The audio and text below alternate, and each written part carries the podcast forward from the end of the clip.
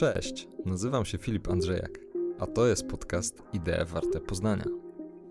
Idee Warte Poznania to podcast dla osób ciekawych świata, które interesuje jak działa człowiek, gospodarka i społeczeństwo. To podany w przystępnej formie obraz otaczającej nas rzeczywistości, widziany oczami myślicieli, naukowców, badaczy oraz ekspertów z różnych dziedzin wiedzy. Możesz się tutaj spodziewać rozmów z ciekawymi gośćmi, a od czasu do czasu także materiałów solowych, których szerzej omawiam wybraną tematykę. Dzięki za obecność i zapraszam do słuchania.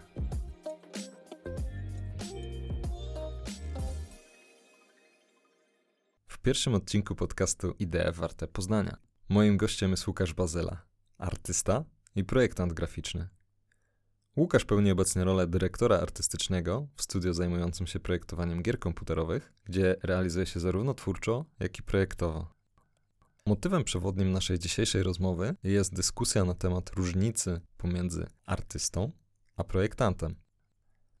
Poruszamy także kwestie złotych zasad designu, projektowania dla wirtualnej rzeczywistości oraz tego, jak technologia zmieni zawód projektanta graficznego i jakie będą tego konsekwencje. Zaczynajmy. Cześć Łukasz. Studiowałeś na Akademii Sztuk Pięknych. W Łodzi, tak. W Łodzi. Tak. Mhm. Jak teraz z perspektywy czasu, gdy, gdy pracujesz już jako projektant graficzny od, no już od wielu lat, tak naprawdę, jak z perspektywy czasu oceniasz studia, ten okres? Czy te studia były dla ciebie wartościowe? Czy one dały ci dużo, czy może tak naprawdę nie dały nic? Jakby, ja- jaka jest twoja opinia na ten temat?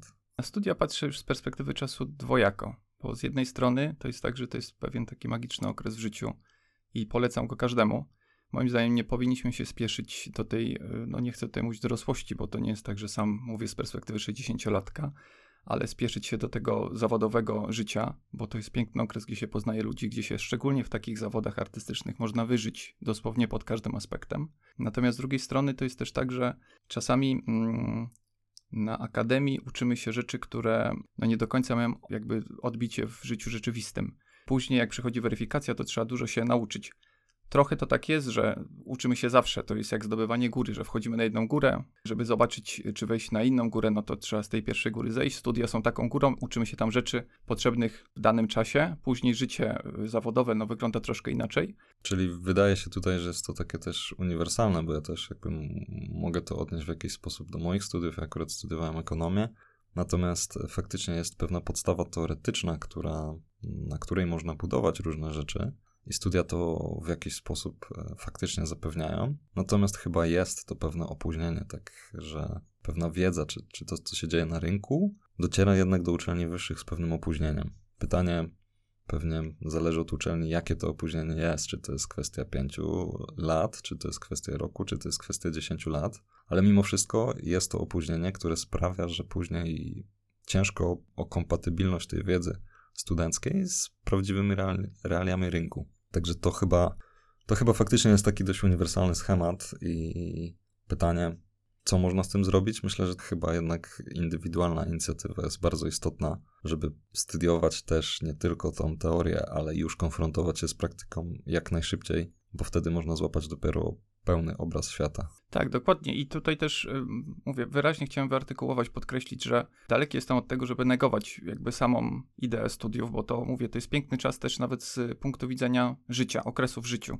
e, bo to już nawet nie chodzi o tak jak u mnie w, w moim kierunku, że tutaj można się wyżyć artystycznie i to jest tak jak zaraz po dyplomie, po obronie profesor powiedział y, do nas, że no i to był ostatni moment, w którym ktokolwiek was pochwali, bo w momencie jak już za waszą pracę ludzie będą musieli płacić, to raczej tej pochwały nie dostaniecie, tylko ewentualnie no, wynagrodzenie, ale to już nie będzie miało takiego emocjonalnego Mhm, mhm. wymiaru.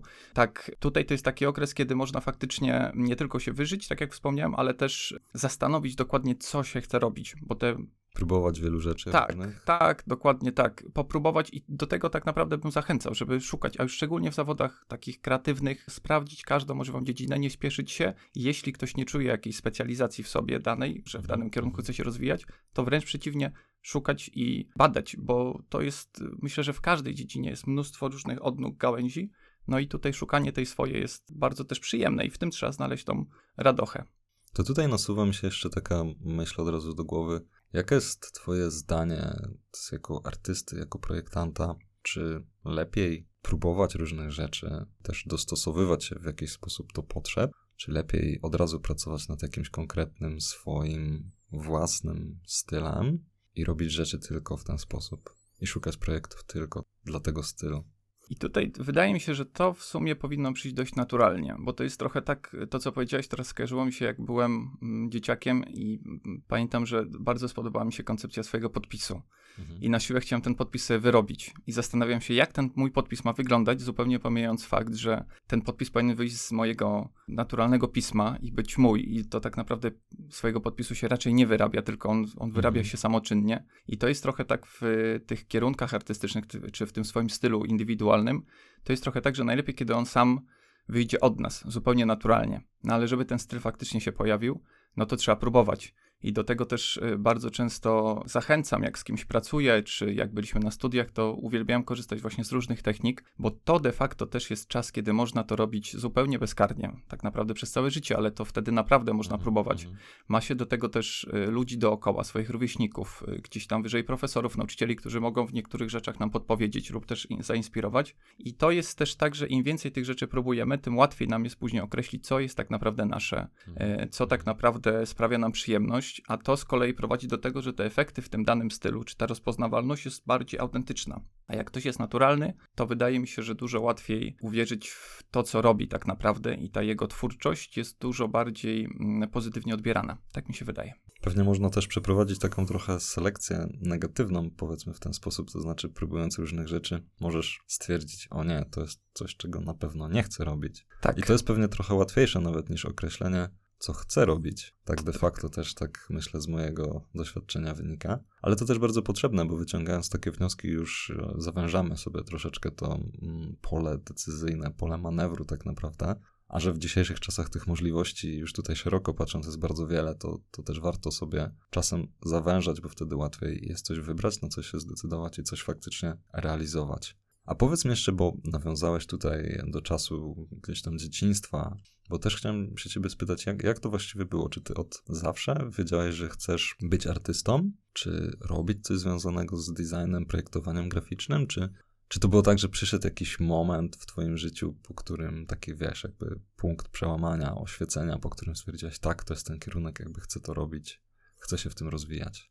No to akurat w moim przypadku było tak, że ja odkąd pamiętam, ja mówię tutaj zupełnie poważnie, bo zastanawiałem się nad tym długo i to y, gdzieś jest faktycznie we mnie, że y, ja odkąd tylko sięgnę pamięcią, to dla mnie pusta kartka papieru plus ołówek to było najlepsze spędzanie czasu. Uwielbiałem to robić i to było tak, że jak też moi rodzice chcieli w cudzysłowie, żebym, żeby mieli spokój, to właśnie organizowali mi jakieś, to najlepiej jak to były jakieś takie kartki ksero, nie jakieś, albo ewentualnie szkicowniki, dostawałem ołówek jakieś kredki, czasami może farby. I ja ginąłem po, w, w, jakimś pokoju, w jakiejś przestrzeni, zupełnie e, skupiając się na tym, co tam w głowie miałem. Bardzo lubiłem rysować na bazie komiksów. Do tej pory mam kilka mhm. pudełek jeszcze takich swoich komiksów, które gdzieś uzbierałem. Pamiętam, że w ogóle szokiem dla mnie było, jak odnalazłem antykwariat, w którym były komiksy, które widziałem tylko na małych okładkach gdzieś w środku rozkładówek. To były komiksy typowo jakieś takie, no, kolorowe, o superbohaterach, ale tam jednak już pewna stylistyka, czy bardziej jakiś taki kierunek, rysunek jest też bardzo mocno, no, na, na dość wysokim poziomie. I dla mnie wówczas to było coś niesamowitego, że mogłem właśnie raz, że przeraz, przerysowywać te postacie, czy całe kadry. Mhm. E, były takie momenty, w których e, tworzyłem swoje komiksy i później e, moja mama w pracy kserowała mi te komiksy i robiła kopie. Ja robiłem do tego okładkę, wymyśliłem sobie logo tego komiksu, nawet tam była numer, kod w ogóle kreskowy. No, starałem się to zrobić jak najbardziej profesjonalnie. Mhm. Także odkąd pamiętam, to mm, gdzieś było we mnie, natomiast to też nie jest reguła tutaj, żeby jak ktokolwiek się zastanawiał, że ja na przykład zaczynam od jakiegoś momentu, albo jeszcze tego nie wiem konkretnie, to też mam przyjaciół, znajomych ze studiów, którzy zaczynali niedługo przed okresem studiów i są fenomenalni w tym, co robią.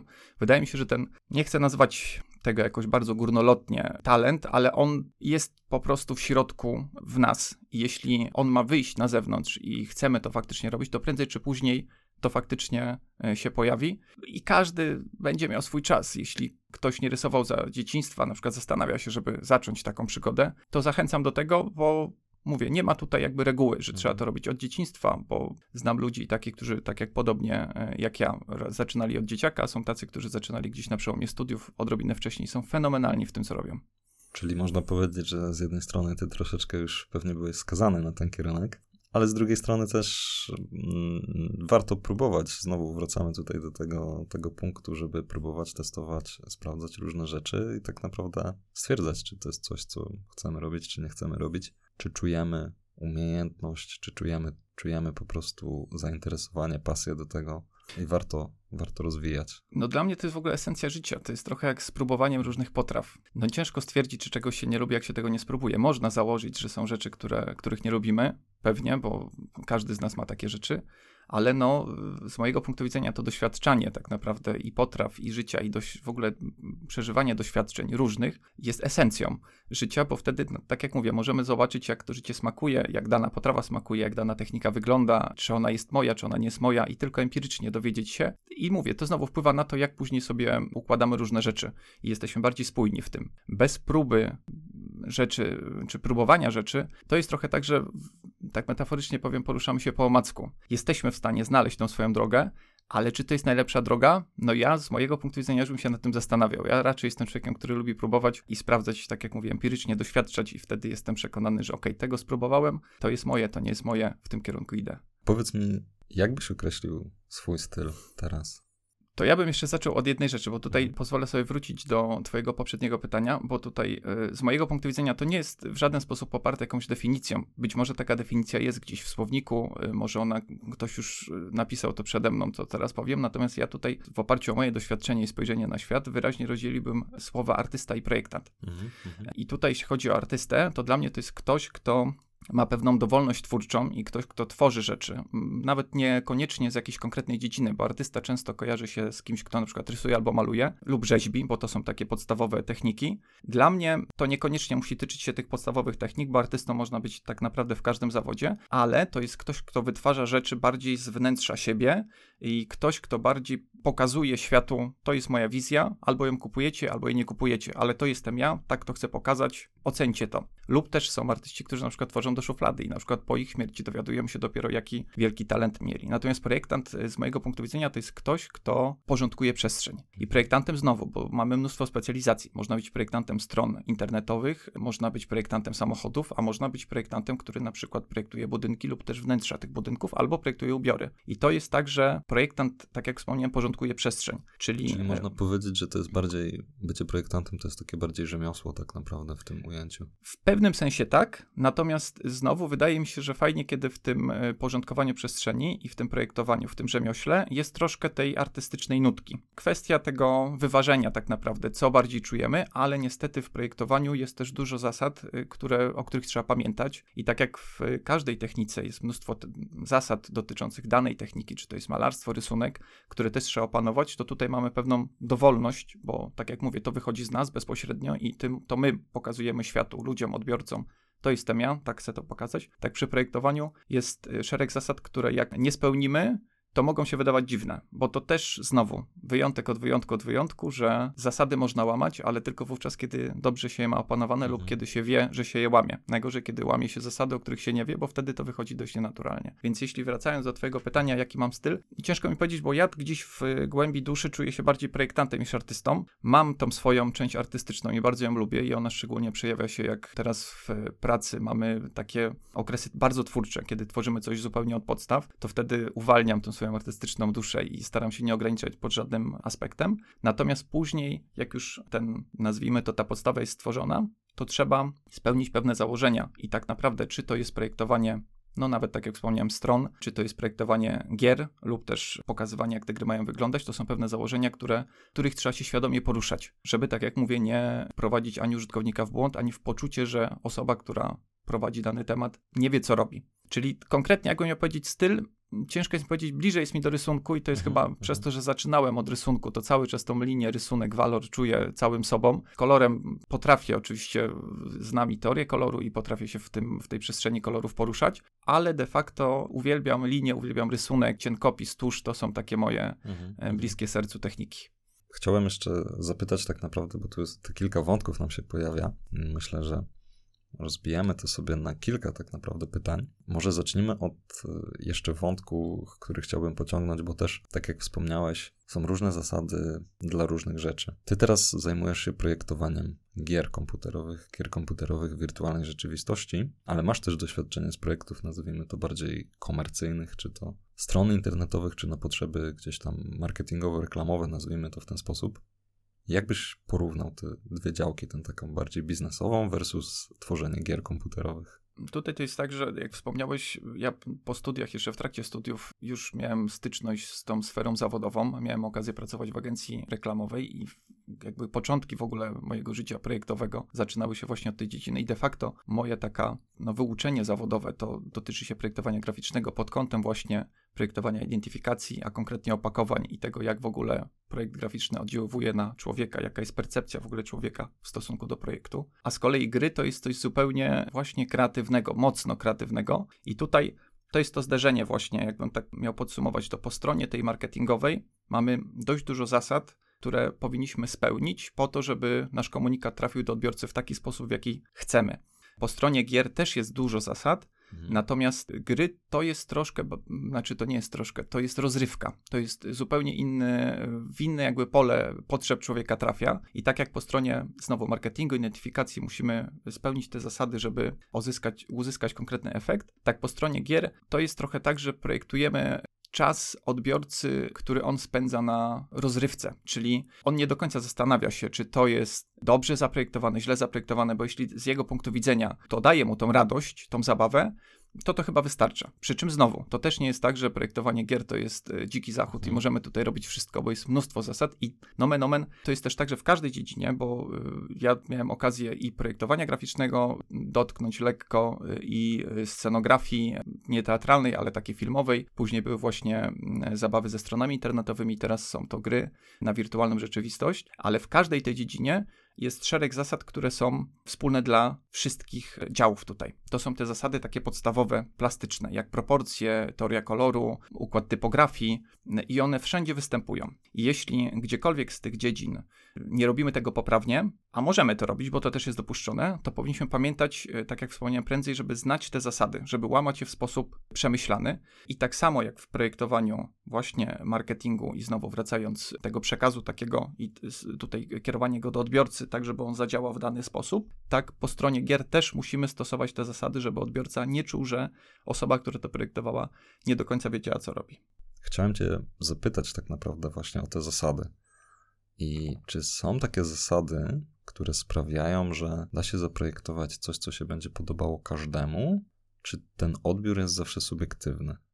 I tutaj powiem, że to zależy. Zależy dlatego, że, tak jak wspomniałem, jest szereg zasad, które są zupełnie podstawowymi zasadami, i to bardzo jest silnie związane z tym, jak my postrzegamy świat. Tutaj, ponieważ ja całe moje życie jest związane ze sztukami wizualnymi, to odpowiadam tylko za tę strefę wizualną, Oczywiście. czyli przede wszystkim mówię tutaj o odbiorze, o percepcji za pośrednictwem zmysłu wzroku, ale dokładnie to samo dzieje się za pośrednictwem zmysłu słuchu i innych aspektów, innych zmysłów, tak naprawdę innych dziedzin. Natomiast wracając do tych sztuk wizualnych, to jest tak, że mamy kilka elementów, które jak zostaną spełnione, to szansa powodzenia, czy szansa tego, że coś jest zaprojektowane dobrze lub też, że się podoba, jest większa. I taką mhm. jedną z takich elementów to są przede wszystkim proporcje. I te proporcje są wszędzie, bo czy to są proporcje na obrazie konkretnych elementów, czy nawet samego obrazu jaki to jest format, czy to jest format pionowy, poziomy, czy to są proporcje postaci, którą projektujemy, czy to są proporcje zdjęcia, które umieszczamy na stronie, czy dalej, czy to są proporcje samochodu, czy też konkretnego przedmiotu, mhm. to od czegoś to zależy.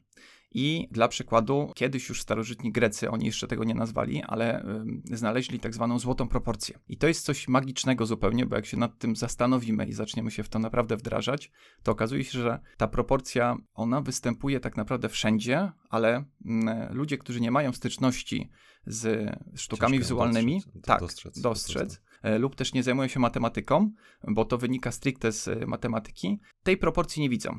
Ta proporcja polega na tym, że to jest y, stosunek odległości danych odcinków.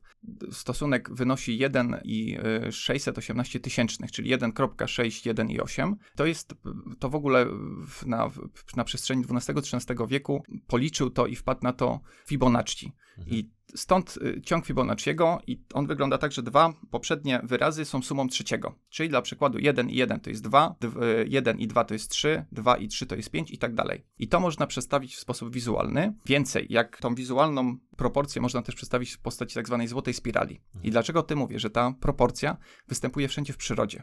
No właśnie, bo jak? czy to jest coś takiego, co, co, co jest zaczerpnięte z natury, tak? Czyli gdzieś tam nie jest wytworzone przez człowieka, tylko my, jako ludzie projektując, korzystamy z tego, co natura proponuje sama. Wydaje mi się, że, bo tutaj też są takie rozważania, czy to mhm. jest stworzone, znaczy zaczerpnięte z natury, czy ta natura tak naprawdę siedzi w nas i my Okay. Gdzieś podświadomie te proporcje szukamy, e, szukamy tych proporcji, bo te proporcje są wszędzie. One są w w roślinach. Jak kwiaty rosną, to mm, liście, jak mamy łodygę kwiatów, to liście rosną w taki sposób, że mm, zachowują tą proporcję, przez co nasłonecznienie liści mhm. do tego, żeby fotosynteza się odbyła, jest najbardziej optymalne. Te proporcje są w kształcie, jeśli chodzi na przykład o tą złotą spiralę, która bezpośrednio wynika z tej złotej proporcji, są w kształcie na przykład muszli, muszli ślimaka lub też w kształcie galaktyki spiralnej, czyli te proporcje są wszędzie, ale są też w proporcjach naszego ciała. To jest też tak, że te nasze proporcje są różne. Różnimy się. Mało jest osób idealnych, ale taki idealny,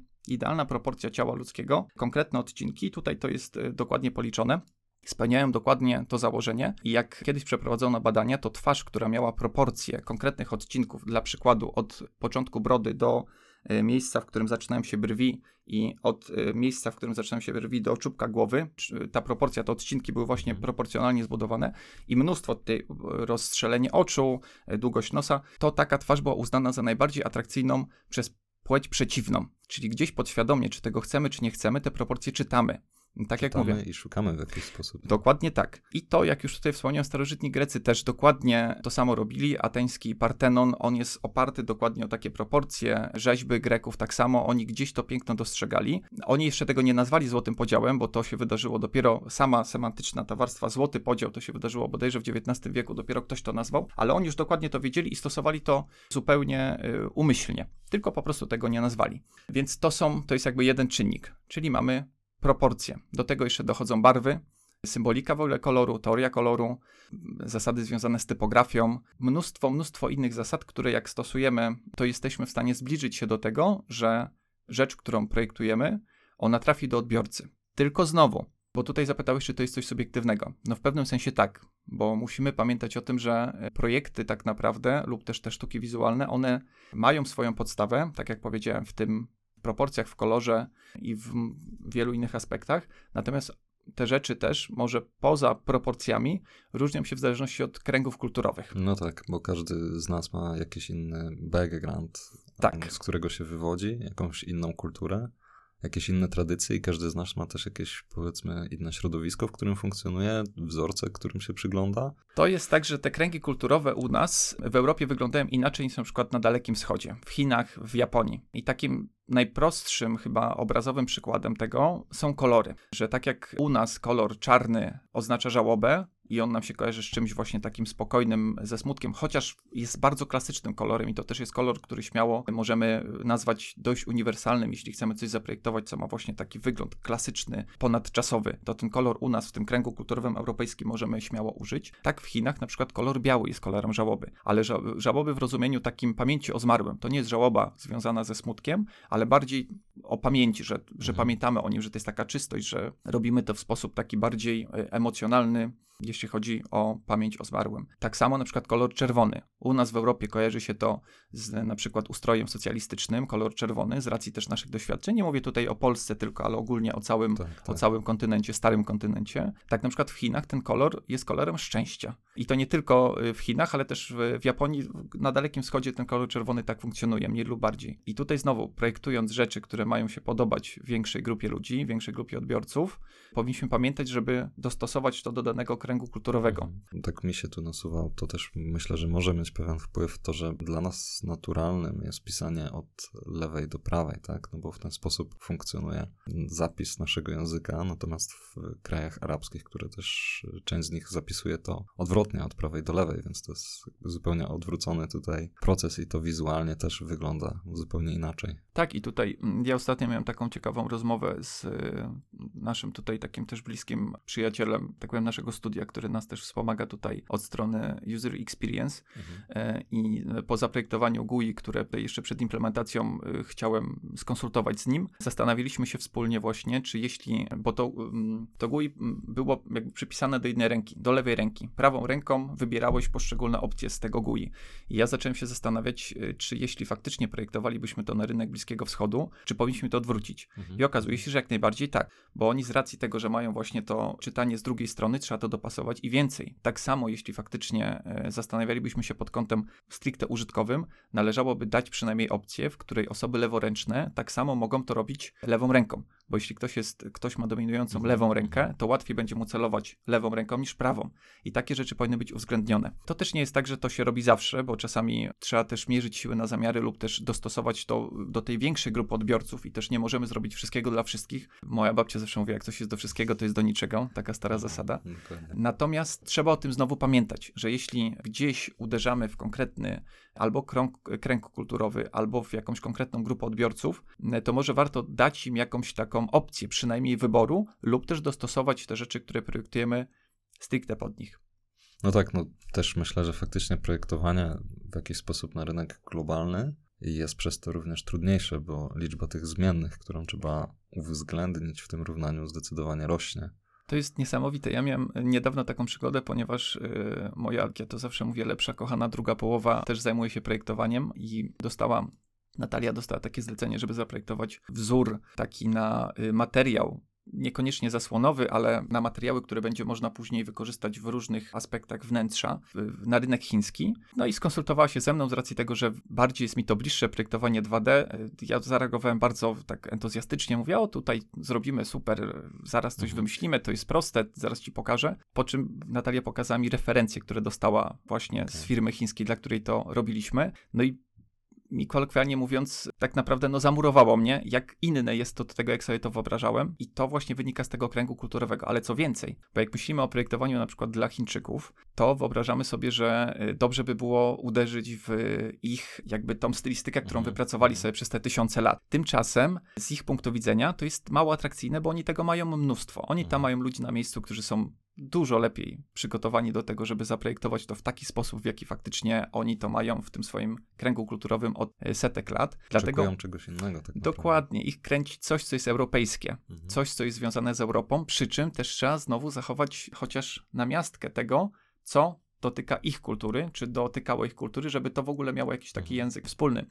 Co jest, jest taką też szalenie ważną rzeczą z mojego punktu widzenia, to jest to, że od, no bo tak naprawdę projekt graficzny lub też e, w pewnym sensie, już tutaj odważę się powiedzieć, nawet projekt przestrzenny, czy to będzie wzornictwo przemysłowe, czy wnętrze, czy to nawet samochód, to jest e, w pewnym sensie no, jakaś informacja, jakiś komunikat dla odbiorcy. I o tym, czy on jest dobry, czy zły, w dużej części no tak jak mówię, odważę się powiedzieć, to nawet w, praktycznie w całej części e, decyduje odbiorca, nie nadawca. W sensie, że jeśli coś jest zaprojektowane i nadawca mówi nie, no to jest zaprojektowane tak, jak powinno być, a odbiorca tego nie czyta. Czy to jest strona internetowa, czy to jest źle zaprojektowany przedmiot, filiżanka z zbyt małym uchem, że nie można włożyć palca i ona wypada, to to jest tak, że to jest źle zaprojektowane. To nawet jakby to miało super proporcje i nawet gdyby to mhm. było jakieś wielkie nazwisko, które to zrobiło, a to nie jest użyteczne, jakby nie spełnia założeń, które powinno spełniać, tak, to z mojego punktu widzenia to jest źle wykonana praca. I tutaj wracając do tych no Chin... Chyba, no chyba, że weźmiemy taką filiżankę tylko po to, żeby wstawić ją na wystawie i oglądać, a, a nie z jej korzystać. Nie? To Ale tak. To już trochę inna kategoria pewnie. To tak i tu znowu dotykamy tego... Tak, dokładnie. Dotykamy tego podziału, tak, artysta i projektant, hmm. że jeśli robimy coś od siebie i chcemy pokazać światu, to jest moja wizja filiżanki i tak ona wygląda, bo to jestem ja w 100% i tak to sobie wyobrażam, bo według mnie ona ma takie proporcje i ona ma właśnie wypadać w ten sposób mi z dłoni, kiedy piję kawę, bo bo ja to uwielbiam, to tak, to ja to kupuję w 100%. Mm -hmm. Natomiast jeśli to ma być coś, co ma trafić do szerszej grupy odbiorców i coś, co faktycznie ma sprawić, że wypijesz rano tą kawę i się nie pochlapiesz, nie, za, nie zachlapiesz sobie koszuli, no to faktycznie powinno to być zrobione dobrze. I tak jak mówię, jeszcze tylko nawiązując do tych mm, Chin, o których wspomniałem, no musieliśmy się tutaj e, dostosować, w cudzysłowie oczywiście, bo to było bardzo przyjemne, do tego, do tych ich wytycznych i nie ukrywam, że było to dla mnie niesamowite doświadczenie, jak e, różnie ludzie też mogą patrzeć na przedmioty i jak ta to poczucie estetyki się zmienia w zależności, e, czy, no tak, w zależności od szerokości mhm. geograficznej. No i pewnie to też jest wyzwanie z punktu widzenia projektanta, żeby gdzieś nie, nie ugrząść w pewnego rodzaju stereotypach na ten temat, tak? No bo to jest tak, że my gdzieś tam pewnie siłą rzeczy postrzegamy troszeczkę stereotypowo pewne kultury, czy pewne jakieś takie znaki, styl graficzny, który jest tam, chiński, przez, przez to, w jaki sposób on był przekazywany przez, nie wiem, przez media, przez kulturę zachodnią. I to może być też w pewnej części skrzywione, jakby nasz, nasz, nasz obraz tej rzeczywistości może być skrzywiony.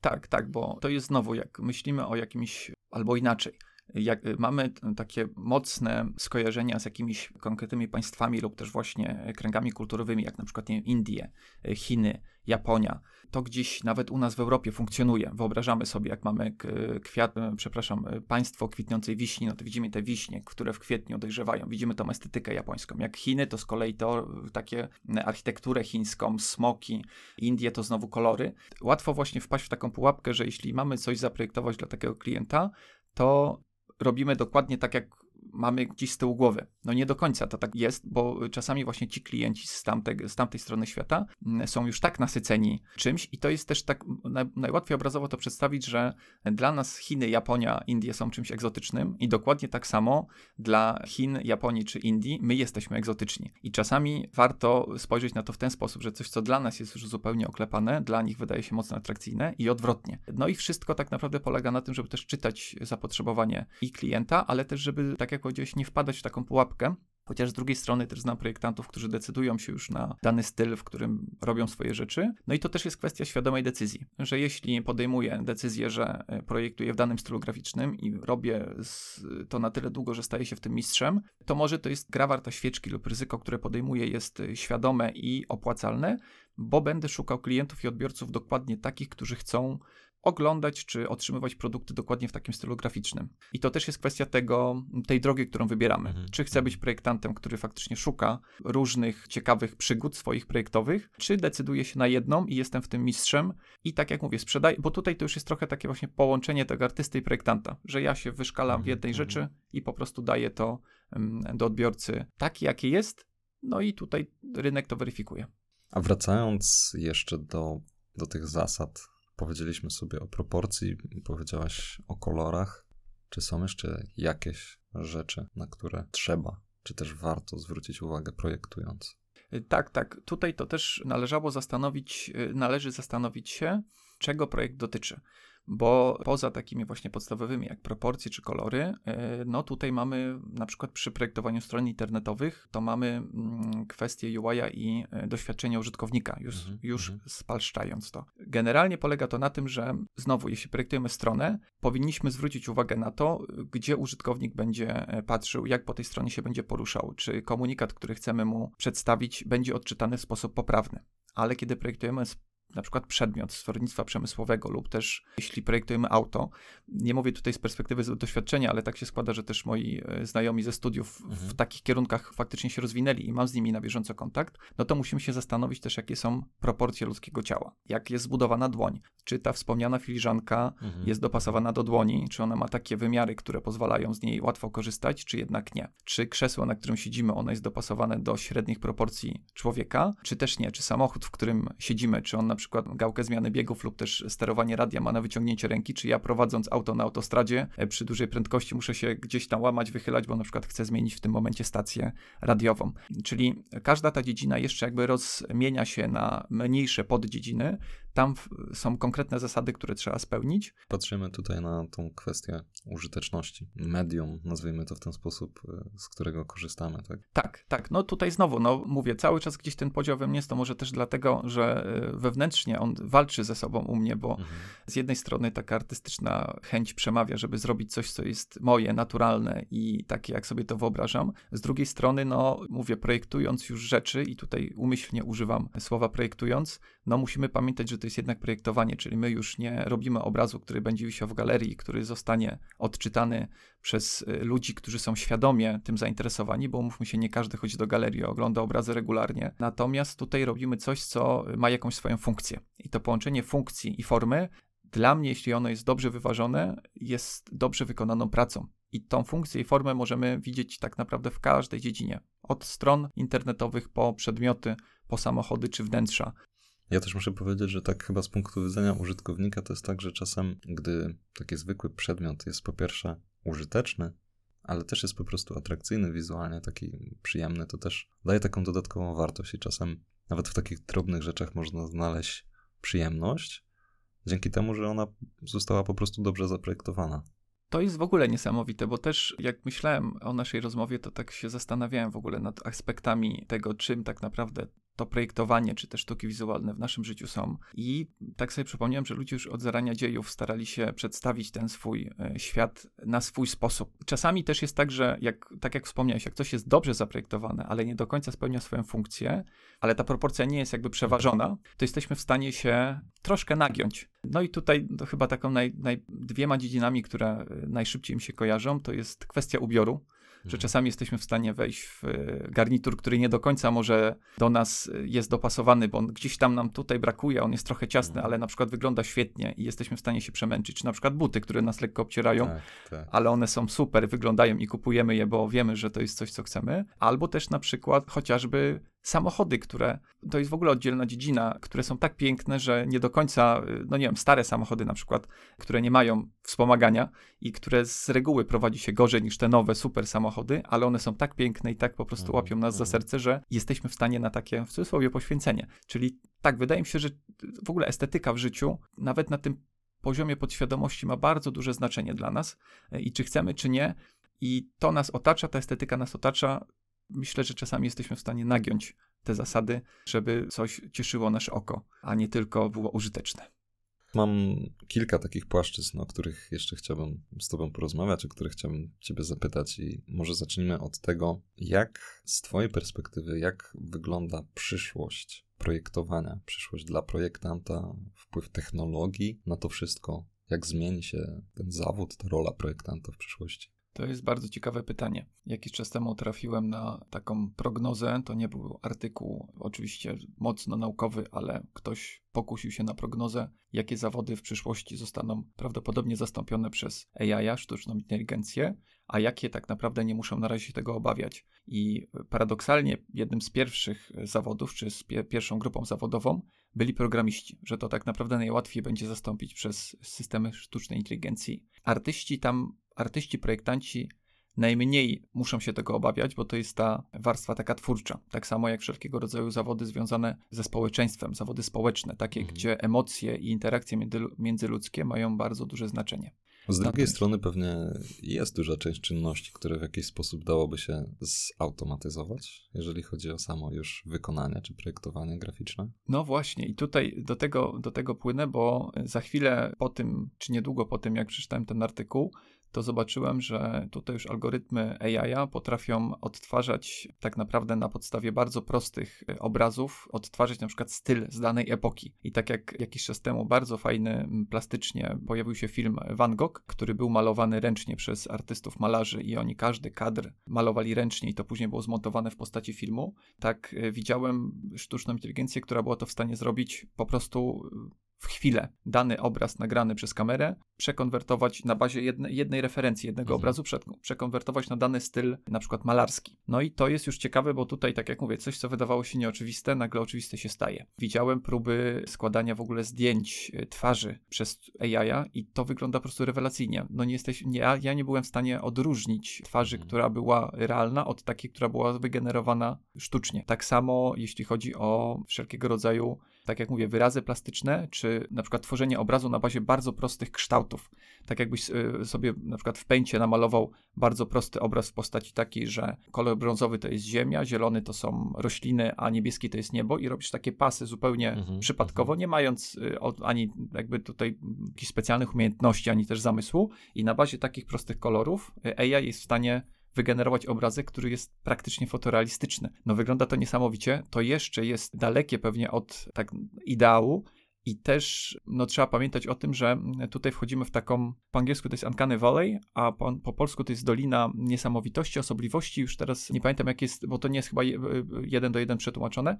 I tu chodzi o to, że jeśli coś, co w założeniu ma być naturalne, lekko odbiega od tej naturalności, no to w człowieku wzmaga takie uczucie niepokoju. Najłatwiej to wytłumaczyć na przykładzie na przykład robotów czy twarzy.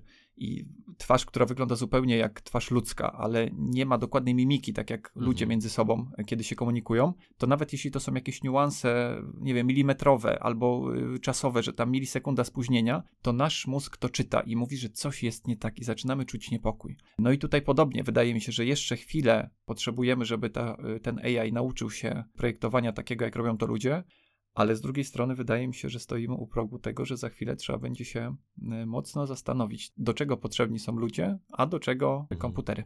No właśnie, ale to jest takie już pytanie chyba generalniejsze, nawet nie związane tylko i wyłącznie z tą dział działką projektowania, tylko rozszerzające się na tak naprawdę na całe spektrum zawodów, czy, czy w ogóle funkcjonowania człowieka.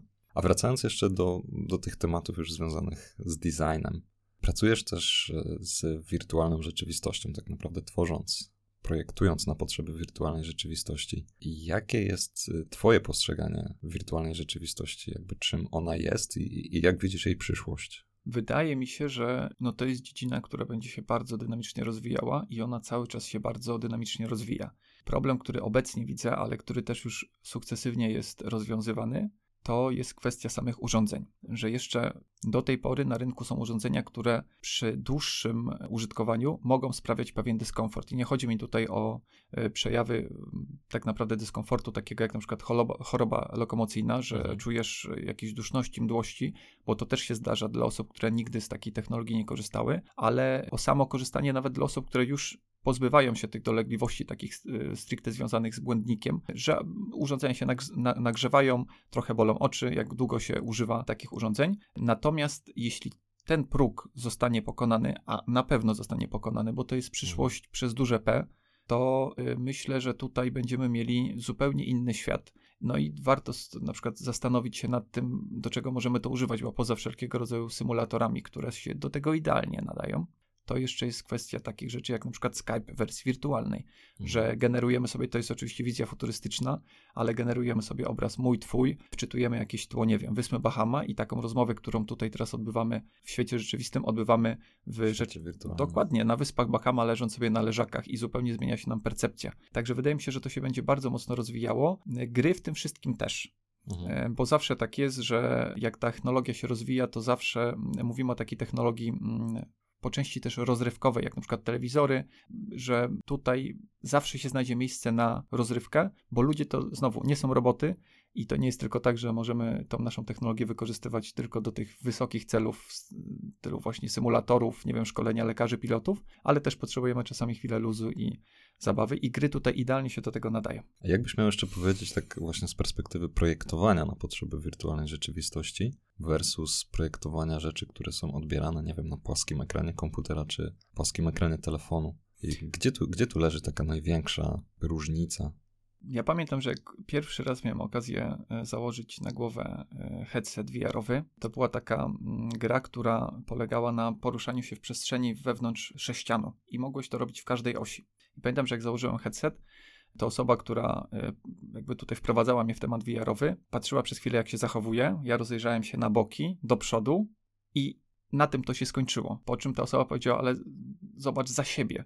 I to był taki moment, w którym zdałem sobie sprawę, że ta przestrzeń, którą widzę, to ona nie tylko jest przede mną, ale jest za mną, pode mną, nade mną, ona jest wszędzie. I tak jak na ekranie komputera, na ekranie telewizora mamy tą ramkę urządzenia, która nas ogranicza, i w przypadku powiedzmy horroru możemy zawsze wzrokiem uciec w stronę, która jest bezpieczna, tak w świecie VR-owym tego nie mamy. I jak projektujemy rzeczy, to musimy zawsze o tym pamiętać, że no to już nie jest płaski ekran. Tutaj mamy wszystkie trzy wymiary, one są w przestrzeni umieszczone. Mózg bardzo szybko się przyzwyczaja do tego, że jest w tej wirtualnej rzeczywistości i bardzo szybko o tym zapomina. Nawet jeśli grafika troszkę odbiega od tego, co jest nie realne. Jest, nie jest to jeszcze fotorealistyczne. To i tak, i tak po chwili, jak to jest dobrze zaprojektowane, to no, wtapiamy się, tworzy się tak zwana imersja i przez to ciężko nam w ogóle znaleźć tą granicę między światem realnym a tym wirtualnym. I tutaj no, jest takie ryzyko, że tak naprawdę jeśli zaprojektujemy coś źle, nie przewidzimy tego, że taki przedmiot, taka dana rzecz może być oglądana z każdej strony, no odbiorca zauważy, że czegoś nie przewidzieliśmy. To, co można ukryć na płaskim ekranie, no w wirtualnej rzeczywistości już niekoniecznie, chociaż też są na to metody to też nie jest tak, że to jest mhm. dziedzina, która y, znowu ma swoje zasady i znowu z tych zasad można się wyłamać. To jest jedna rzecz, a druga rzecz, to też warto pamiętać, że tutaj to projektowanie to jest też tak, że y, ono najlepiej, kiedy odzwierciedla rzeczywistość. I najlepszym znowu przykładem takim obrazowym jest projektowanie GUI, czyli interfejsu wewnątrz gry, że najlepiej, kiedy to GUI jest w jakby tym świecie wirtualnym, ale umieszczone w rzeczywistości. Czyli ono, jeśli pojawia się na przykład jakaś informacja, to dobrze, kiedy ona pojawia się na jakimś urządzeniu w tym świecie wirtualnym, mhm. albo na przykład na jakiejś rękawicy cyfrowej, albo na rodzaju jakiegoś takiego kasku, jak ma na przykład Iron Man, że takiego, taki hat się robi przed głową i wtedy to jest jakby najbardziej naturalnie odczytywane, bo znowu naszą referencją do świata wirtualnego jest świat rzeczywisty. W momencie, kiedy próbujemy szukać jakichś tutaj odskoczni, robić coś kreatywnego, to jest to ryzyko, że odbiorca nie będzie wiedział z, z, z czym ma do czynienia i będzie czuł się zagubiony. Bo tak mi się, mi się wydaje też z perspektywy powiedzmy użytkownika, który miał okazję kilkukrotnie korzystać czy, czy, czy eksplorować w jakiś tam sposób różnego roz, rodzaju rozwiązania, to tak w mojej ocenie wydaje się, że paradoks polega na tym, że ta wirtualna rzeczywistość tak naprawdę jest naturalniejszym środowiskiem dla nas niż korzystanie z płaskiego ekranu. Bo tak naprawdę korzystania z płaskiego ekranu my musimy się nauczyć w jakiś sposób obsługi i wyrobić sobie pewne nawyki. Później przychodzi nam to wiadomo, łatwo, bez myślenia. Natomiast tak się zastanawiam, gdyby wziąć człowieka żyjącego, nie wiem, 20 tysięcy lat temu i kazać mu korzystać, dać mu komputer versus dać mu urządzenie wirtualnej rzeczywistości, to czy tak naprawdę nie łatwiej byłoby mu skorzystać z tego urządzenia wirtualnej rzeczywistości, bo ono jest bardziej zbliżone do tego, co widzimy w świecie rzeczywistym. Znaczy, to jest bardzo taki ciekawy eksperyment myślowy, bo faktycznie intuicyjnie wydaje się, że tak jest i ja jestem skory do tego, żeby się z tym zgodzić, bo znowu referencją do tego świata wirtualnego jest świat rzeczywisty i tam tak naprawdę poza jeszcze problemem e, samej, samego ruchu w świecie wirtualnym, no to wszystko tak naprawdę, co się w nim znajduje, wygląda lub może wyglądać dokładnie tak jak to, co my tutaj widzimy, lub to, co widzimy na co dzień. I jeśli to jest w taki sposób projektowane, i do tego, no, tam są jeszcze kwestie związane na przykład z dotykiem, że dotyk, mhm. zmysł dotyku też jest bardzo istotny w świecie rzeczywistym, dzięki temu możemy coś chwycić, a na przykład nie ścisnąć szklanki, którą przy odpowiedniej sile moglibyśmy na przykład zmiażdżyć, bo mamy tą i jakby tutaj feedback ze strony e, zmysłu dotyku. W VR jeszcze tego tak naprawdę nie ma super rozwiniętego, chociaż też już pracują nad tym największe firmy, żeby ta imersja, e, czy te, ten e, komunikat zwrotny był też z tej strony. To jeśli dopracujemy to, to tak naprawdę wszystko, co tam pojawi się w tej wirtualnej rzeczywistości, będzie można odczytać tak jak na co dzień. Czyli jeśli będziemy mieli przedmiot, będziemy mogli go chwycić, będziemy mogli poruszać się w taki sposób. Mm, jakoś w ubiegłym tygodniu widziałem e, takie buty, które zakłada się na nogi. One mhm. są tak skonstruowane, że człowiek normalnie się porusza, w sensie e, wykonuje normalne kroki, ale de facto jest w jednym miejscu. One taką, taki system jest, że one się jakby przesuwają. Trochę to wygląda jak taki moonwalk Michaela Jacksona, ale to rozwiązuje problem pomieszczenia, w którym się znajdujemy, żeby nie wpaść w żadne meble. Więc tak, wydaje mi się, że to jest bardziej naturalne i tutaj mówię, to też trzeba o tym pamiętać projektując różne mm, też takie interakcje w tym świecie VR-owym i zresztą jest taka zasada, że e, projektując właśnie interakcje, projektując jakieś zależności, najlepiej jest czerpać z tego świata rzeczywistego i dać po prostu ludziom to, do czego są najbardziej przyzwyczajeni. Czyli mhm. jeśli chcemy, żeby ktoś, dajmy dajmy na to, otworzył szufladę w świecie wirtualnym, to najlepiej dać mu po prostu do tego zwykły uchwyt, taki, który on doskonale zna i on tą szufladę sobie wyciągnie, niż na przykład y, tworzyć jakieś interfejsy, przyciski, którymi on tą szufladę będzie wyciągał, no bo to już jest znowu coś nowego, co nie do końca możemy znać i nie, nie, nie możemy, y, czy możemy nie wiedzieć, jak to obsłużyć.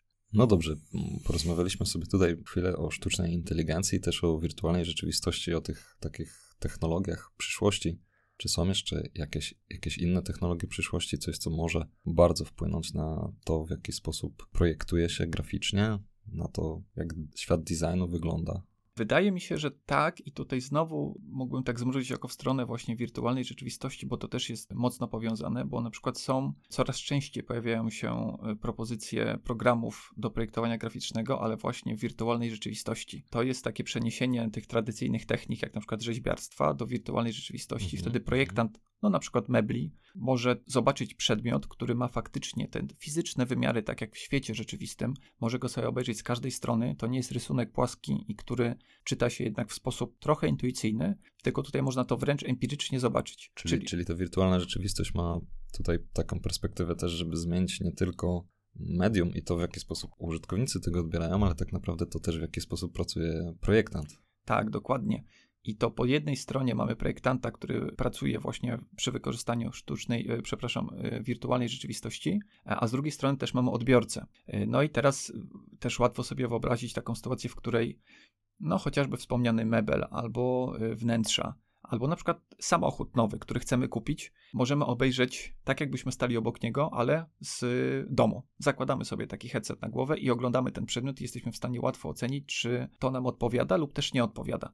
I to mówię, bo to jest taka, tutaj taki trochę ping-pong między nadawcą i odbiorcą, między projektantem a odbiorcą czy klientem. I moim zdaniem taka jest przyszłość, jeśli chodzi o samą technologię, że duża też część pracy projektanta przeniesie się do wirtualnej rzeczywistości, ale też bardzo dużą, wydaje mi się, że to się nie wydarzy w przeciągu może 10 najbliższych lat, ale bardzo prawdopodobne, że za jakiś czas strefa usług, no też nie wiem, sprzedaży produktów, y, czy też y, właśnie wykonywania tych produktów przeniesie się do tej wirtualnej rzeczywistości. Wiesz co, porozmawialiśmy sobie teraz dużo o przyszłości i te wizje naprawdę są ekscytujące. No takie z jednej strony budzące niepewność, z drugiej strony faktycznie mogą budzić ekscytację i takie oczekiwanie, że chcielibyśmy już zobaczyć, jak to będzie wszystko funkcjonować. A wróćmy może jeszcze na chwilę teraz do teraźniejszości. I gdybyś miał powiedzieć teraz z perspektywy osoby, która pracuje jako projektant graficzny, jakie są takie rzeczy, które teraz przy obecnym stanie technologii, tego co, co, co można używać, w jaki sposób można wykorzystać, czy jest coś takiego, co jest dla ciebie frustrujące, co uważasz, że powinno się zmienić?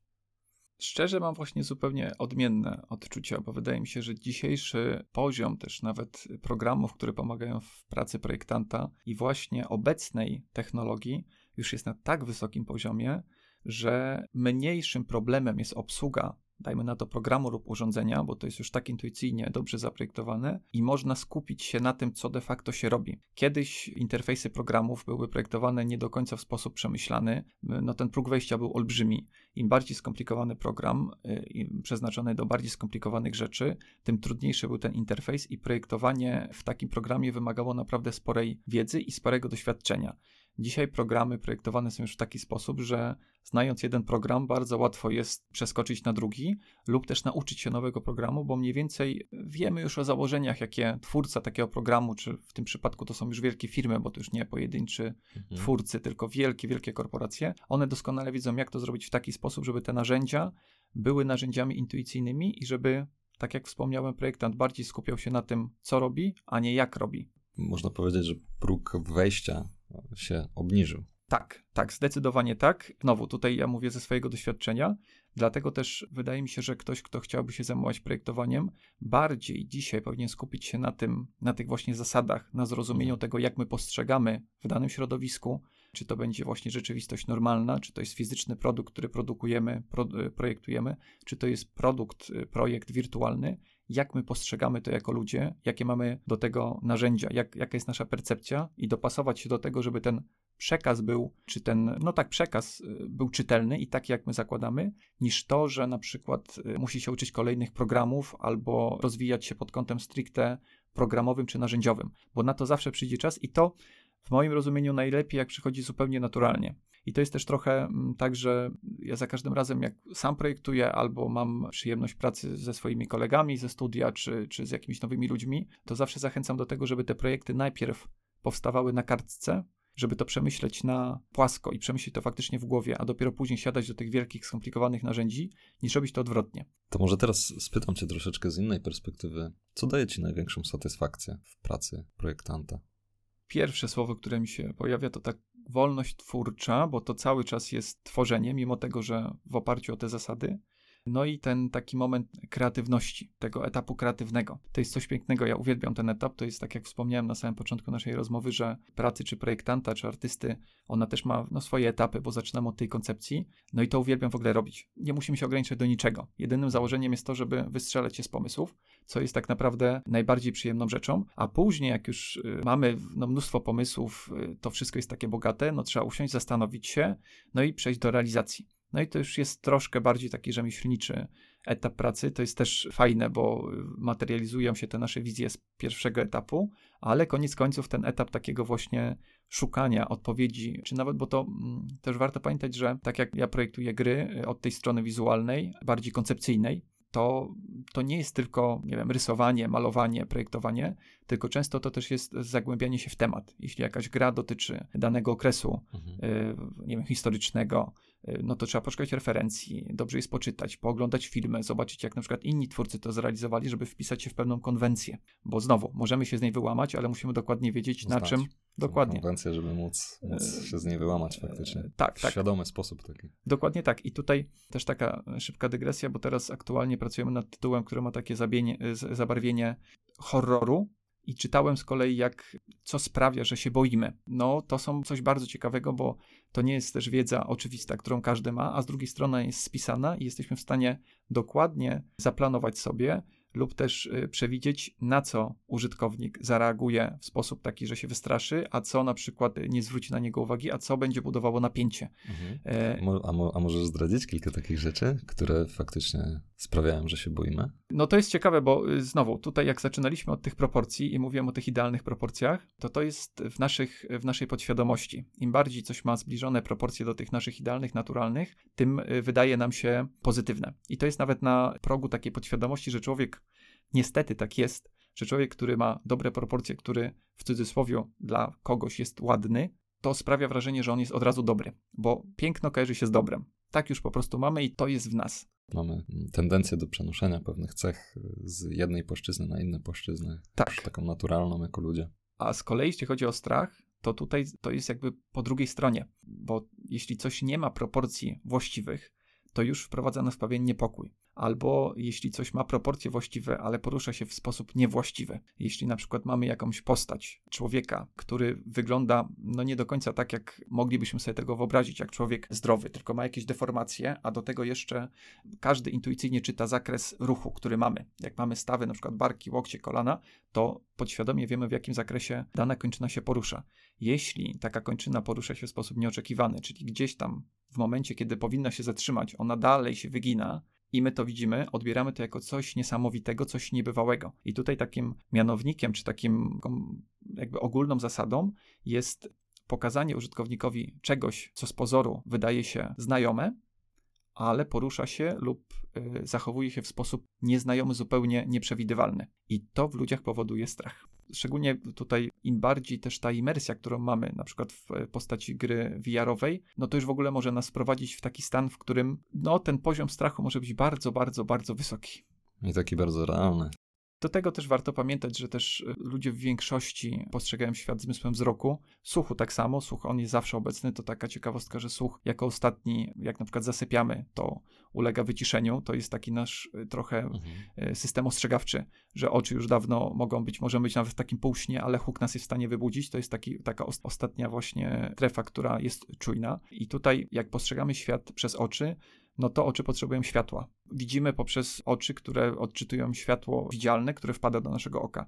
Jeśli jest ciemno, jeśli czegoś nie widzimy i zostaje, zostaje znowu z nami tylko słuch, to każdy szmer wydaje nam się straszny. Mhm, I to już mhm. się nie czujemy naturalnie. No, każdy, kto gdzieś tam wieczorem w lato był w lesie, wieczorem czy w nocy był w lesie i e, kiedy już tego światła nie było za dużo, to każdy szmer tak naprawdę wydaje się 10 razy bardziej głośny, wydaje się niepokojący, no i zaczynamy się czuć niepewnie. To, to dlatego, też... dlatego mówimy, że coś ma mroczny klimat. Tak to działa, aczkolwiek mówię, no tutaj też możemy sobie bawić się konwencją i możemy też, to, to nie jest też tak, że mamy te podstawowe zasady, które tylko i wyłącznie sprawiają, że człowiek się boi, bo możemy też mieszać, bo możemy zbudować atmosferę strachu w pomieszczeniu, które jest dobrze oświetlone, ale które na przykład jest puste, które kojarzy się z czymś, gdzie działa się jakaś albo y, tragedia, albo coś niepokojącego, tak jak na przykład, nie wiem, opuszczony szpital. No mhm. to są, on może być oświetlony w pełni, on może wyglądać jak szpital w momencie, kiedy będzie pusty, a też warto pamiętać, że ludzie są stadni, ludzie lubią ludzi i, i lubią, kiedy y, ludzie obok nich przebywają. W momencie, kiedy jesteśmy zupełnie sami, no to to już wydaje się dziwne. Jakiś opustoszały budynek, on nawet w dzień wygląda strasznie. No to jest, jest naprawdę bardzo, bardzo ciekawa tematyka. O tym też, jak design może właśnie wpływać na nasze emocje. Powiedz mi jeszcze, bo teraz właśnie zastanawiam się nad tą kwestią, jak to jest z punktu widzenia kogoś, kto właśnie projektuje, w jakiś sposób pokazuje swoją wizję też artystyczną światu. Czy ty myślisz o tym, czy ty się zastanawiasz, ewentualnie jak ty to przyjmujesz, w jaki sposób inni ludzie patrzą na twoje dzieło? Zastanawiam się nad tym, ale ważne jest, żeby to nie było pierwszą myślą. To jest tak, że w czasie projektowania, pamiętając i mając z tyłu te wszystkie zasady, no też nie można o nich myśleć bezpośrednio, robiąc daną czynność. To jest trochę tak, że musimy je znać, żeby co jakiś czas weryfikować, spojrzeć na tę naszą pracę i powiedzieć: Aha, czyli wykorzystałem takie narzędzia, takie zasady, prawdopodobnie to zostanie tak odczytane, ale myślenie przy każdej kresce, przy każdym ruchu myszką o tym, czy to jest taka zasada, czy to jest taka zasada, to jest znowu droga do obłędu. Czyli coś, coś co mogłoby bardziej paraliżować tak naprawdę niż pomagać. Tutaj chodzi pewnie o tym, żeby osiągnąć taką płynność, wejść w taki stan flow, żeby to przychodziło naturalnie. Dokładnie tak. I to też jest chyba najlepsza zabawa. W momencie, kiedy zaczynamy projektować, rysować lub też malować cokolwiek, co jest związane z, ze sztukami wizualnymi, najlepszy jest ten moment, kiedy się zapominamy i kiedy ta nasza podświadomość, intuicja robi trochę robotę za nas, mówiąc kolokwialnie. Plusem jest to, że w momencie, kiedy działamy na tym takim paśmie podprogowym, kiedy robimy to zupełnie podświadomie, wsadzamy do tego projektu, takie też nieładne słowo kolokwializm, ale mm, tą część taką no znowu podprogową, taką, która w taki sposób prawdopodobnie zostanie odczytana przez odbiorcę. W momencie, kiedy się zastanawiamy, to jest tak, jak też rozmawialiśmy, że jak za, za, zastanawiamy się nad tym, jak oddychać, to zaczynamy oddychać nieregularnie. Jak zastanawiamy się, jak coś zrobić w konkretny sposób, jak trafić do odbiorcy mhm. za długo, za bardzo, no to możliwe, że miniemy się z tym przekazem. W momencie, kiedy robimy to podświadomie, kiedy bazujemy na tych swoich faktycznie podświadomych odruchach, no i na tym talencie tak naprawdę, który gdzieś tam artyści, jeśli decydują się na taką drogę życia w sobie mają, to jest olbrzymia szansa, że trafimy dokładnie w takie emocje, w jakie ch chcemy trafić. A powiedz mi jeszcze, bo tak wydaje mi się, że to może być taki problem dość uniwersalny dla każdego, kto coś tworzy w jakiś sposób, pokazuje to światu. Choćbyś zrobił wszystko zgodnie ze wszystkimi zasadami, w sposób, który jest dla ciebie satysfakcjonujący, to zawsze mogą znaleźć się tacy, którzy powiedzą: E, nie podoba mi się to, to jest brzydkie, to jest, wiesz, do niczego to się nie nadaje. Czy masz jakieś takie, wiesz, sposoby, żeby się uodpornić na to, żeby nie myśleć o tym, żeby radzić sobie z ewentualną taką krytyką? Bo to zawsze jest odbiór subiektywny i tak jak powiedzieliśmy sobie, nie wszystko każdemu się spodoba. Tak, i tutaj pełna zgoda, bo pamiętając znowu o tych wszystkich zasadach, stosując je w sposób podświadomy lub świadomy, zbliżamy się do tego, że coś może się komuś spodobać lub nie. Ale tutaj wyraźnie używam słowa zbliżamy się, bo to, czy to się spodoba, czy nie, to już jest kwestia bardzo subiektywna i oparta często o nasze preferencje, doświadczenie, historię, mnóstwo, mnóstwo rzeczy, które mogą to, ten odbiór zaburzyć. Najlepiej jak najbardziej sprecyzować grupę odbiorców, do której chcemy trafić. Jeśli na przykład jesteśmy artystą, który na portalu umieszcza swoje prace, jakieś cyfrowe, no na przykład powiedzmy koncepty do gry, to dobrze zastanowić się, do jakiej grupy to trafia i ten e, feedback, który płynie z tej drugiej strony, potrafić przefiltrować w sposób taki, że czy coś jest powiedziane, bo ma mi to pomóc, bo to jest na przykład bardziej doświadczony kolega z fachu, który daje mi wskazówki, dzięki którym ja się mogę rozwinąć, czy to jest powiedziane w sposób taki, żeby mi tylko dopiec, bo ktoś na przykład jest w innym miejscu, albo ktoś y, miał zły dzień, bo to nawet nie jest kwestia hmm. intencji czasami. To może być tak, że człowiek wstaje, nie wypił kawy, odpala coś na telefonie, widzi, a to nie jest fajne, to mi się nie podoba, wypije kawę ze śniadanie, po, a no może jednak to było fajne, ale już za późno. Żyjemy w takich czasach, gdzie w internecie jest dość dużo też różnorakich emocji, one nie zawsze są dobre. Dużo słyszy się o tym, że wręcz przeciwnie, bo siedząc za ekranu komputera łatwiej nam jest powiedzieć coś, co nie do końca jest dobre, bo nie mamy takich konsekwencji konsekwencji jesteśmy tak. anonimowi. Pewnie tru, trudniej też powiedzieć coś takiego, takiego kogoś, komuś w oczy, tak? Czy, czy w jakiś obraźliwy sposób, to łatwiej to napisać, czując jakąś taką pewną pozorną, bo pozorną, ale anonimowość w internecie. I też wydaje mi się, że to jest trochę tak, że w internecie przez to, że to jest takie łatwe narzędzie i dzisiaj żyjemy w świecie, w którym wydaje mi się, że dość dużo ludzi nie chce generalizować, bo to jest złe, może bez tego określenia dość dużo ludzi. Myślimy, że wiemy wszystko najlepiej o każdej dziedzinie a tak naprawdę y, no, jest też tak, że im bardziej zdajemy sobie sprawę ze złożoności danej dziedziny, tym mniej stajemy się w niej pewni na poziomie takiej świadomości. Im bardziej stajemy się ekspertem w jakiejś dziedzinie i widzimy tak naprawdę złożoność tych wszystkich czynników, tym bardziej trudniej nam powiedzieć, a to jest takie, siakie i owakie, bo wiemy, że ano nie, no tutaj projektowałem kiedyś coś takiego, wiem, że niby założenia były takie, ale efekt był inny. Jak zaczynamy z kolei jakąś dziedzinę i widzimy tylko te pierwsze, takie największe jakby aspekty, to bardzo łatwo jest nam powiedzieć, no to jest konkretnie takie, czarne, białe, 0,1, tutaj tak do końca nie jest.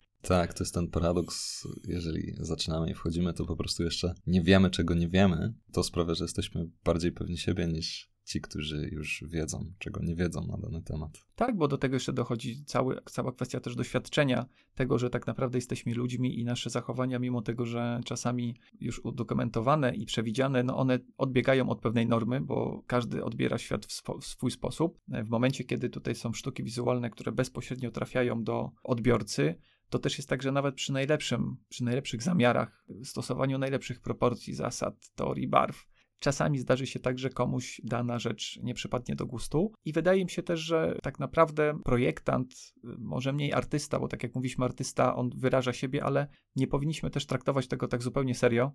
To jest tak, że trzeba robić swoje, trzeba projektować, trzeba, jeśli ktoś czuje taką potrzebę, znowu mówię tutaj o ludziach, którzy gdzieś są, rozwijają się w takim kierunku, nie bać się po prostu mierzyć z tą materią i liczyć na to, że nawet jeśli coś w danym momencie nie do końca wychodzi nam takie, jak powinno być, to dać sobie taki dystans, że każdorazowo, szczególnie, że tutaj dochodzi taki moment doświadczenia i tego, że za każdym razem, jak coś próbujemy robić, malować, rysować, projektować, to każdy kolejny projekt będzie lepszy i nawet jeśli te początkowe rzeczy są odbierane no nie do końca dobrze, a będziemy odpowiednio konsekwentni, to prędzej czy później dojdziemy do poziomu, który będzie przynajmniej nas zadowalał i dużą grupę ludzi. Jest takie powiedzenie, które wydaje mi się, jest tu jakaś taka doza prawdy, którą możemy w nim znaleźć. To znaczy, jeżeli po czasie nie jesteś absolutnie zażenowany czymś, co wypuszczałeś na początku, to znaczy, że najprawdopodobniej zacząłeś to wypuszczać za późno.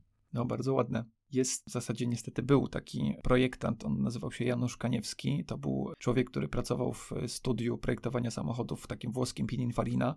To jest studio, które projektu, projektuje no, samochody oni też designowo, y, tak z wzornictwa przemysłowego projektują przedmioty, natomiast takim najbardziej referencyjnym dla nich znakiem rozpoznawczym jest to, że projektowali w, we współpracy z firmą Ferrari i ten projektant napisał książkę, niestety nie ma go już między nami, w dość młodym wieku odszedł, ale w tej książce napisał, że tak naprawdę dopiero z perspektywy końca życia jesteśmy w stanie ocenić, który projekt był najlepszy. Że nie jesteśmy w stanie, robiąc daną rzecz, powiedzieć, to jest najlepszy projekt, który ja w życiu zrobię, bo dopiero po czasie będziemy w stanie go ocenić i życie uczy, że czasami rzeczy zupełnie niepozorne, przypadkowe, robione czasami, no nie chcę powiedzieć na kolanie, ale w sposób taki mm, zupełnie właśnie intuicyjny, mogą po czasie być odbierane jako te najlepsze.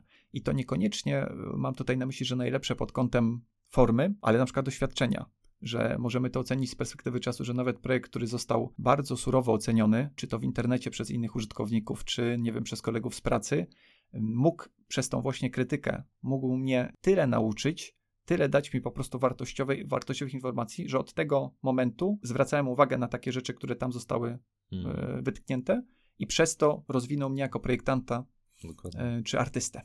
Czyli pewnie tutaj z jednej strony pewnie dobrze wziąć pewne rzeczy na dystans, żeby nie blokować się w jakiś sposób, tylko tworzyć, bo w ten sposób jesteśmy w stanie ulepszyć swój warsztat, a z drugiej strony czerpać też z jakiegoś feedbacku, który płynie, ale oczywiście weryfikować tak naprawdę od kogo płynie ten feedback i zastanowić się, czy ta osoba, która mi daje ten feedback jest dla mnie autorytetem, czy jest może kimś tak naprawdę dla kogo ten przekaz zupełnie nie jest skierowany. To ja może ze swojej strony dodam, że też dobrze jest sobie mm, poszukać autorytetu w danej dziedzinie, bo dzięki temu, jak już widzimy to miejsce, do którego chcemy dojść, albo widzimy człowieka, który już jest przed nami, na przykład ma 10 lat przewagi, to tacy ludzie często y, zbadali już różne obszary, o których my być może nie mamy doświadczenia, i też może to się wydawać takie zupełnie nieintuicyjne, ale tacy ludzie, którzy naprawdę zjedli zęby na jakiejś dziedzinie, często chętnie dzielą się tymi wskazówkami. Jeśli widzą kogoś zaangażowanego w dany projekt, jeśli widzą kogoś, kto się chce faktycznie rozwinąć, to nie mają problemu z tym, żeby sprzedać pewne zasady, pewne drogi na skróty, które pozwalają rozwinąć się szybciej. Jak, I to nawet nie mówię tutaj o kontakcie takim interpersonalnym, że trzeba sobie fizycznie znaleźć kogoś, kto nas będzie prowadził. Często tacy ludzie mają swoje strony internetowe, prowadzą swoje vlogi i tam dają wskazówki, informacje, które pozwalają nam, jako młodym projektantom, czy młodym projektantom, rozwinąć się i znaleźć pewne rozwiązania szybciej, niż byśmy to szukali na własną rękę. Czyli te autorytety też wydają się bardzo, bardzo ważne, a też pozwalają zobaczyć, że każdy autorytet, nawet ten najlepszy, zaczynał prawdopodobnie od takiego momentu, w którym my jesteśmy, lub też w którym e, byliśmy, i że to nie jest tak, że ktoś się rodzi i nagle od pierwszej kreski e, rysuje piękne, hiperrealistyczne lub hiperkreatywne rysunki, że ktoś od razu projektuje super strony internetowe czy gry, interne, czy gry na jakikolwiek nośnik tylko zaczynał zawsze od jakiegoś poziomu, który, który tak naprawdę był albo zbliżony do tego, co my teraz robimy, albo tak jak mówię, gdzieś tam zbliżony do tego, co robiliśmy, i że ten rozwój człowieka tak naprawdę jest w każdym wypadku bardzo podobny. Czyli warto czytać, warto słuchać, warto oglądać, po to też, żeby tych błędów po drodze popełniać mniej, uczyć się na tym, co inni mają do powiedzenia i na tym, na tym doświadczeniu innych, nie tylko na tym doświadczeniu swoim, bo, bo wtedy po prostu można dalej zajść. A będąc jeszcze przy temacie autorytetów, to czy ty masz jakieś takie osoby, które były dla ciebie autorytetem w tym stawaniu się projektantem, w dojrzewaniu jako artysta? no, takim autorytetem, chociaż to nie jest dziedzina zbliżona do tego, co wykonuje obecnie, ale właśnie był wspomniany przeze mnie Janusz Kaniewski. Fenomenalna postać. On często udzielał się na różnego rodzaju wystawach, wykładach. Jak tylko miałem możliwość, to zawsze jeździłem i słuchałem tych wykładów. Niesamowite historie człowiek sprzedawał, bo miał bardzo duże doświadczenie zawodowe, jeśli chodzi o projektowanie, bo to nie tylko był twórca samochodów i wzornictwa przemysłowego, ale też bardzo dobrze rysował i projektował projekty graficzne, innymi logo Fiata. To nowe, które jest teraz obecne, to wyszło spod jego ręki. Ale do tego jeszcze, poza tą taką wiedzą ekspercką i naprawdę olbrzymim warsztatem i doświadczeniem, było w nim właśnie dużo takiego luzu i nawet jak opowiadał o rzeczach, o swoich doświadczeniach, nie zawsze projektowo najwyższych lotów, bo życie projektanta to nie jest zawsze projektowanie tych najlepszych rzeczy, to zawsze mówi to z dużym właśnie dystansem, takim luzem i też zachęcał do tego, żeby bawić się tą dziedziną tak naprawdę, żeby szukać rozwiązań, które nie są takie oczywiste i które tylko i wyłącznie muszą być, wiadomo, oparte, jakieś twarde zasady, żeby znaleźć w tym wszystkim dystansu. Ale też jeśli chodzi o takie postacie, które w życiu mam codziennie, no to y, mam paru znajomych ze swoich studiów, którzy naprawdę pokazują, jak świetnie można z tej naszej dziedziny, czyli z projektowania graficznego, z którego wszyscy się wywodzimy, rozwinąć się w różne strony. Tutaj też moja partnerka Natalia tak samo z projektowania graficznego przekształciła się w projektowanie mebli i wnętrz. Kapitalnie robi te rzeczy i to też jest dziedzina, którą warto podglądać Mam znajomego, który właśnie z projektowania graficznego projektuje teraz samochody, który skończył też podobną szkołę jak Janusz Kaniewski. Zaraz po studiach wyjechał do Turynu. Dzisiaj Jacek siedzi w Łodzi, otworzył swoje studio, projektuje samochody. Niesamowita postać. Mam dobrego znajomego, który wykonuje wielkie murale graffiti e, dla ludzi, którzy siedzą w środowisku Słowo Sider mówi samo za siebie, bo jest po prostu kapitalną postacią. E, no i to są dla mnie takie autorytety, bo pokazują, że tak naprawdę cokolwiek sobie wymyślimy, jeśli będziemy w tym naprawdę wystarczająco konsekwentni i będziemy robili to naprawdę z pasją, zaangażowaniem, to jesteśmy w stanie osiągnąć bardzo, bardzo, bardzo dużo. I to, że ktoś na przykład kończy projektowanie graficzne, to nie znaczy, że to projektowanie musi zawsze robić. Można zmieniać dziedziny, można, tak jak mówię, od projektowania robić samochody, meble, wielkie murale. Tylko, tak jak mówię, trzeba troszkę tej konsekwencji, no i tego zaangażowania. To zaangażowanie w takiej dziedzinie jak projektowanie, czy w ogóle takie twórcze zawody, wydaje mi się kluczowe. I tutaj jeszcze nawiązując mm, do jednego wątku a propos zaangażowania, bo to kojarzy mi się jeszcze z czymś takim, do czego zachęcam zawsze młodych projektantów, moich kolegów młodszych, którzy zaczynają, żeby rozglądali się dookoła, że projektant tak naprawdę niezależnie czy to jest projektant stron, który się specjalizuje w projektowaniu właśnie tej dziedziny, czy to jest projektant, który projektuje wzornictwo przemysłowe, żeby rozglądać się dookoła świata i analizować sobie rzeczy, dlaczego one nam się podobają, dlaczego nam się nie podobają, dlaczego dana rzecz jest dobra, a dlaczego ta, dlaczego ta strona, na którą patrzę, jest intuicyjna i dlaczego łatwo mi się po niej poruszać, a dlaczego nie, dlaczego dany na przykład samochód mi się podoba, a dlaczego nie? Bo im bardziej się nad tym zastanawiamy, tym łatwiej później nam, jako projektantom, podejmować takie decyzje. Taka analiza otaczającego nas świata takim przypadku dla projektanta jest bardzo istotna, ponieważ może dać dużo wskazówek, jak tworzyć, właśnie z tego względu, że duża część tych zasad w jakiś sposób jest naturalna, czy, czy wywodzi się z natury, czy też już została wykorzystana w tych wytworach, które nas otaczają, wytworach ludzkich po prostu.